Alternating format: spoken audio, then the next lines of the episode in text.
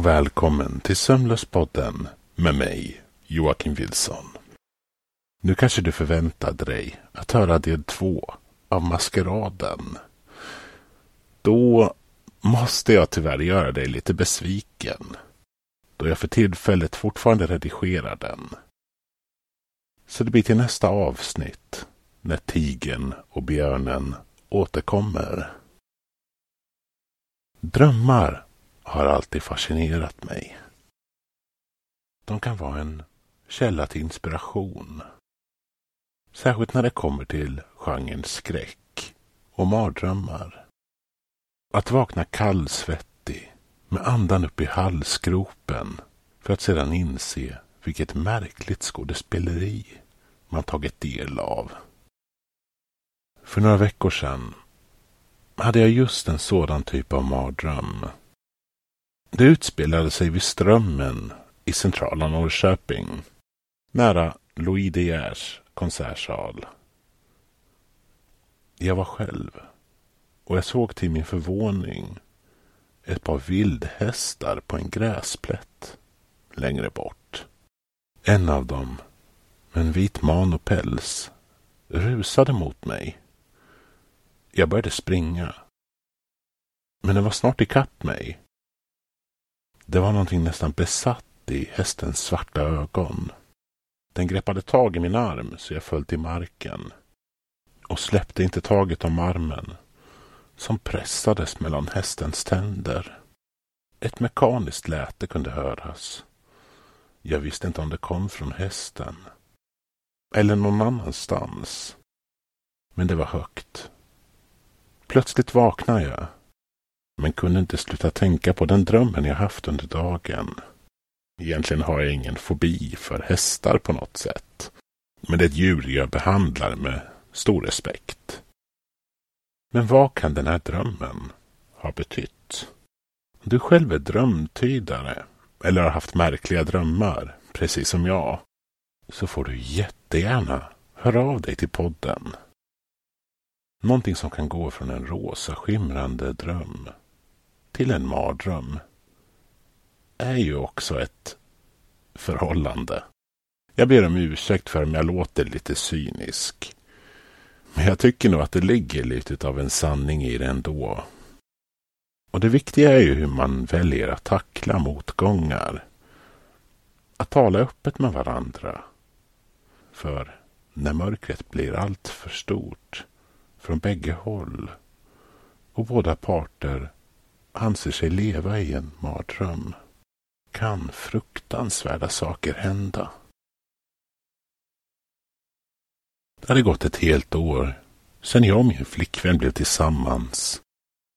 Vi träffades medan vi bägge jobbade som bartenders på en krog i Tylösand.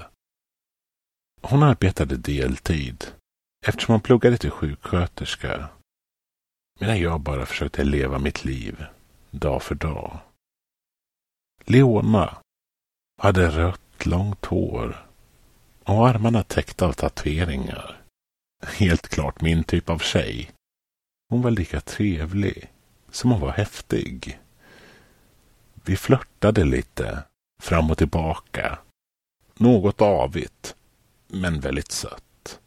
Sen ledde det ena till det andra. Och vi blev tillsammans. Vi hade varit ihop i lite över ett år innan vi bestämde oss för att skaffa lägenhet ihop. Själv har jag aldrig varit särskilt ambitiös. Så länge allting fungerar så finns det ingen anledning att ändra på det. Ett enkelt, rutinbaserat liv. Jobba, promenera hem, kolla på TV, äta, dricka, att göra vad jag vill med minst möjligast ansträngning. Men Leona var driven, målmedveten och visste exakt vad hon ville och hur hon skulle nå dit. Jag tror faktiskt att det var en av de många egenskaper hos henne som jag föll för. Hon visste vad hon ville ha. Jag ansåg mig vara lycklig att hon ville ha en tråkig soffpotatis som mig från början. Jag är ärligt talat inte säker på vad som fick henne att bli intresserad. Men jag var lycklig. Vi var lyckliga tillsammans. Självklart var det ju inte perfekt. Vi hade våra upp och nedgångar. Och så länge jag gjorde som hon sa så blev det ju aldrig något drama. Men det var förra året när vi bara inte kunde ta oss ut från en svår situation. Då olyckan skedde. Vi körde hem från hennes föräldrar som bodde i Boden. När vi råkade ut för en bilolycka. Det var juldagen.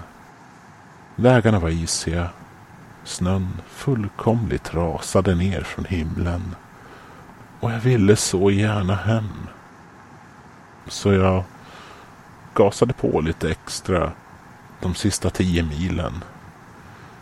Och jag var inte tillräckligt försiktig och körde rakt in i en Audi vid en vägkorsning.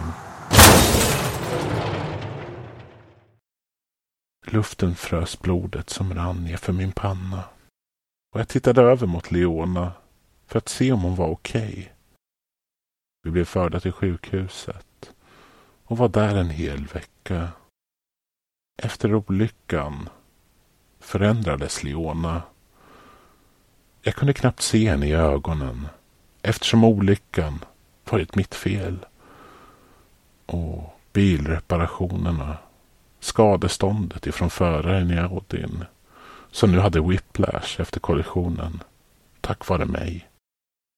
De dagar jag missat jobbet och allt annat tog verkligen hårt på oss. Jag låg där i sängen varje natt bredvid henne och hoppades att hon skulle förlåta mig men mina ord besvarades ständigt med sylvassa blickar och svordomar. Så jag tittade upp mot taket, bara stirrade medan hon fortsatte att förolämpa och kasta ut glåpord mot mig. Sa saker som att hon aldrig skulle förlåta mig och att jag var patetisk. Mitt hjärta fylldes av ånger över det obestridliga faktumet att jag förstört Leonas liv. För några dagar sedan var det ett helt år sedan olyckan. Jag satt på soffan och tittade på virrvarret av inkassobrev, lånebekräftelser och räkningar medan hon satt på golvet i ett hörn, som vanligt. Leonas ögon var blodsprängda när hon tittade mot min riktning. Hennes blick brände ett hål rakt igenom mig. Vanligtvis ägnade hon ju tiden åt att förbanna och kalla mig fruktansvärda saker. Men nu... Nu var hon knäpptyst. Tystnaden var ännu värre. Det blev helt enkelt för mycket. Så jag tog tag i mina nycklar och rusade ut mot min bil. Jag vilade mitt huvud ovanpå ratten och luften kylde min hud Precis som den gjort den natten. I fem minuter satt jag bara där. Pulsen var hög. Jag hoppade till när jag hörde porten från lägenheten öppnas och stängas. Med långsamma steg kom Leona. Hon öppnade bildörren och satte sig i passagerarsätet. Fortfarande helt utan att säga någonting. Jag tog ett djupt andetag. Tittade försiktigt mot henne. Det magra ansiktet. Håret som stod åt alla håll. Medan hennes ögon var riktade framåt. Jag sa de ord jag yttrat säkert tusen gånger vid det här laget. Förlåt. Jag ville så gärna gå tillbaka. Göra allting rätt. Ge henne den tid hon förlorat och det liv hon skulle haft. Men kör då, sa hon till slut. Hennes röst var så hes och det gnisslade i mina öron. Jag vred igång nyckeln på min Honda Civic och njöt av de få sekunderna av ljudet av motorn som sattes igång. Vi hade ingenstans att åka egentligen. Men jag lydde hennes begäran. Som alltid. Vi körde planlöst i runt 20 minuter eller så. Då och då pekade hon med sitt långa tunna pekfinger mot en riktning. Jag tog ett djupt andetag för att sedan fråga. Var är vi på väg egentligen? Mitt bröst värkte plötsligt när orden flydde mina läppar. Hon var tyst. Ansiktet helt känslolöst medan hon fortsatte att stirra fram utan att blinka. Jag hade ingen aning om var vi var. Vi var omgivna av ett mörker, likt ingenting jag tidigare skådat. Jag förbannade mig själv över hur patetisk jag var. Som följde hennes kommandon, likt en lydig hund. Men jag kände mig bara tvungen att lyssna. Jag älskade fortfarande Leona. Men skuldkänslorna var nog egentligen ännu starkare än kärleken. Ett svagt ljus kunde ses på avstånd. När vi körde närmare hade vår vägsträcka gått in i mynningen av en stor tunnel. Det obehagliga orange skimrande ljuset från tunneln bländade mig. Jag tittade försiktigt mot min höger sida och märkte att Leona nu tittade ut mot fönstret. Allt jag kunde se var en mörk kontur av vad som tidigare varit en bekant kropp. Hennes röst trädde fram ur skuggorna. Fortsätt framåt. En överväldigande känsla av oro och obehag sköljde över mig. Svetten rann från min panna. Det började dunka vilt på insidan av mitt bröst och mina revben värkte. Som om någon slog med en hammare mot dem.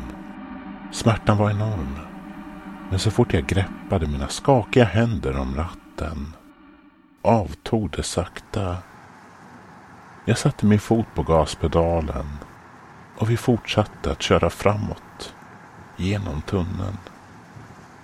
De orangea lamporna flimrade nu hastigt. Det blinkande skenet fick min syn att desorienteras. Jag var osäker på hur länge vi körde. Kanske 20, 40 minuter. Och det fanns inget slut i sikte. Ljudet av hennes andetag fyllde utrymmet runt mig i korta, raspiga skurar. Jag tänkte fråga henne vad som pågick tills hon avbröt mig. Ditt fel. Orden slog mig i bröstet som en slägga. Det går inte ett ögonblick som jag inte tänker på det. Jag försökte göra henne glad, men det räckte aldrig. Jag började bli förbannad. Jag trodde att saker och ting skulle vara okej. Okay, så länge jag gjorde som hon sa. Jag gick hela tiden på äggskal runt henne.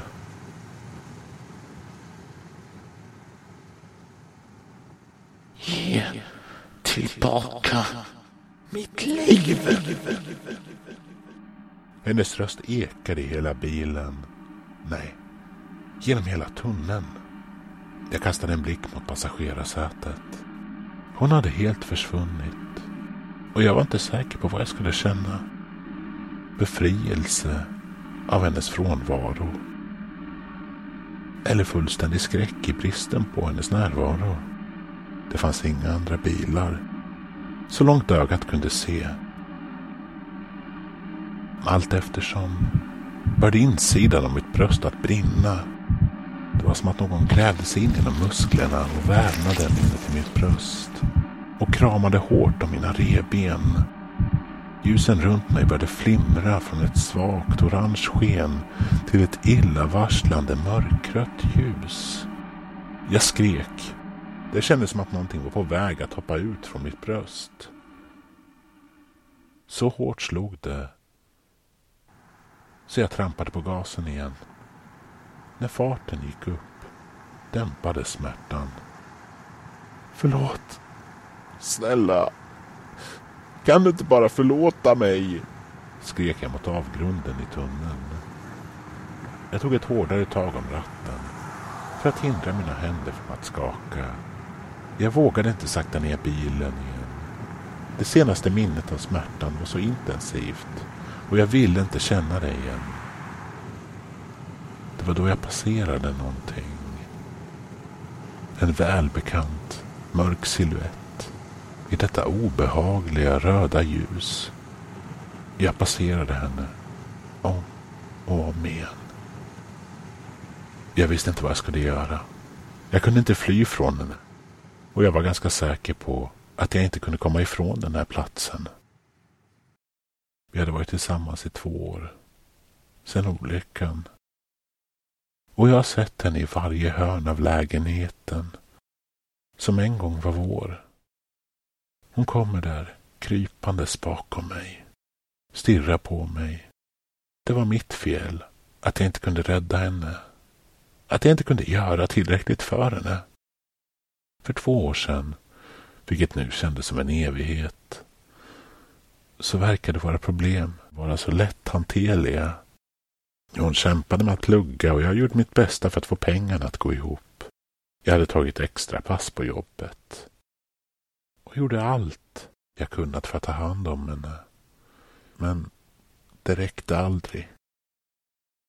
Jag trodde att det skulle göra saker och ting bättre. Om hon fick fira jul med sin familj. Ny energi och en lättnad från stressen som hon samlat på sig. Men tyvärr gjorde det saker och ting värre. Hela tiden hade vi bråkat. Hon sa till mig att hon hatade mig. Jag var aldrig tillräcklig för henne. Jag sa att hon försökte fixa mig, men att jag inte bad om det. Hon sa att hon hatade att ta hand om mig och det var ingenting jag nödvändigtvis ville. Jag ville ju att vi skulle vara lyckliga. Tillsammans ville jag att vi skulle stå sida vid sida med varandra.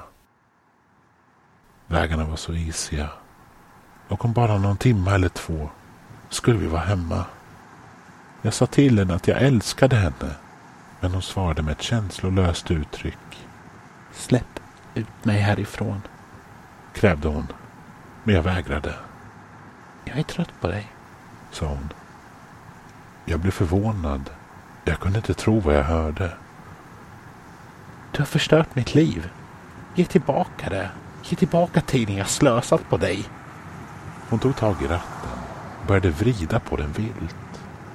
Jag bad henne att sluta men mina ord föll för döva öron. Jag grät. Allt detta var mitt fel. Hon skulle inte känna så här om det inte var för att jag var en sån fruktansvärd person. Jag släppte ratten och hon drog en skarp sväng rakt in i en mötande Audi. Nästa sak jag hörde var ljudet av metall som kolliderar. Jag minns att jag kände en brännande smärta i ansiktet och att blodet kyldes av vinterluften. Min kropp värkte och jag tittade ner för att se en stor mängd blod som droppade från mig eftersom jag var klämd mellan en del av bilens front. Jag kunde inte andas och jag var säker på att jag skulle dö snart. Jag tittade mot Leonas blodsprängda ögon hennes hals var helt krossad. Tårarna rann nerför det bleka ansiktet. Och hon började säga någonting. De där orden som blev de sista i hennes liv. Jag hatar dig. En man som körde bakom oss hade stannat och ringt 112 och inte allt för långt efter kom en ambulans och körde oss till sjukhuset. Leona klarade sig inte. Och för mig blev skadan på mitt bröst allvarligt. Mina reben krossade och, och ett antal ben hade genomborrat mitt hjärta. Vad jag inte visste då var att Leona inte bara var en donator. Hon var en perfekt match för mig. När jag vaknade upp hade hennes hjärta överförts till mig. Jag knäpptes tillbaka till verkligheten när jag märkte att jag fortfarande körde i den helvetiska tunneln. Jag tittade över för att se om Leona hade kommit tillbaka. Men hon var fortfarande borta. Tills mitt hjärta började brinna och expandera igen. Ge tillbaka det. Ge tillbaka mitt liv. Hennes röst var raspig, men tydlig, trots hennes krossade hals. Jag började gråta i panik. När jag kände någonting slå i mitt bröst. Jag tittade för att se hennes ömtåliga händer komma ur mig. Sedan började hennes blodiga fingrar linda sig runt min mun. För att kväva mitt skrik. Jag orkade inte mer. Jag tappade kontrollen över min bil. Och jag såg att hennes andra blodiga hand hade tagit tag i ratten och vridit den mot tunnelväggen. Det var déjà vu. När jag vaknade var jag inne i metallskrotet som tidigare varit min bil. Jag kände en sån intensiv smärta. Jag såg inuti mitt öppna bröst. Hennes ansikte stirra på mig med de brinnande röda ögonen och hörde ett krak inifrån mig. Jag kunde se henne hålla upp någonting. Benbitar som måste ha varit mina reben. Leona log med ett djävulskt leende innan hon kastade ner dem i knät på mig. Jag kände smärta, sorg, ilska mot mig själv. Allt detta hade hänt på grund av mig. Om jag bara varit bättre. Var det enda som ekade i mitt sinne. Jag kände något annat röra sig inom mig. Hon började slingra sig in genom mina armar och ben. I det ögonblicket ville jag bara dö. Jag ville att det skulle ta slut. Jag visste att hon straffade mig. För att se till att jag skulle känna så mycket smärta som möjligt. Min önskan om att tappa medvetandet uppfylldes till slut. Och jag vaknade på sjukhuset. En sjuksköterska och läkare undersökte mig. De berättade att de hittat min bil kraschat vid sidan av vägen nära min lägenhet och att ambulansen snabbt varit på plats. Jag var okej. Okay, trots några brutna revben. Läkarna sa att jag hade turen att vara vid liv och att jag skulle klara mig fint. Ordens betydelse blev mindre befintliga när jag stirrade bakom honom för att finna Leona stirrandes tillbaka på mig. Så här är jag, lever mitt liv med henne bredvid mig, i mig. Jag ber om förlåtelse, men jag kommer aldrig någonsin att få den. Bara hån och glåpord. Jag tog allt ifrån henne och det var mitt fel att hon dog. Nu måste jag leva. Jag lever med hennes bultande hjärta inuti mig. Med ett liv hon borde haft.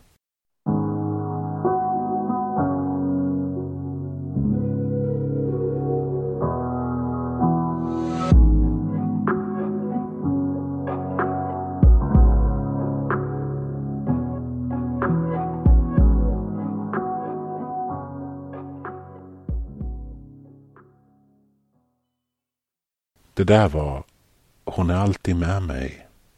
Eller i sin originaltitel She gets under my skin. Av Reddit-användaren Dark Hero XX. Från subreddit-tråden No Sleep. Har du skrivit en berättelse? Har du en rekommendation till podden? Eller drömt någonting obehagligt eller häftigt som du vill dela med dig av? Mejla då in till somlospodden gmail.com. Det går bra att vara anonym om du känner för det. I nästa avsnitt kommer del två av Maskeraden med den spännande fortsättningen. Semlespodden är inspelad, dramatiserad och översatt av mig, Joakim Wilson. Tack för att du lyssnat och välkommen åter.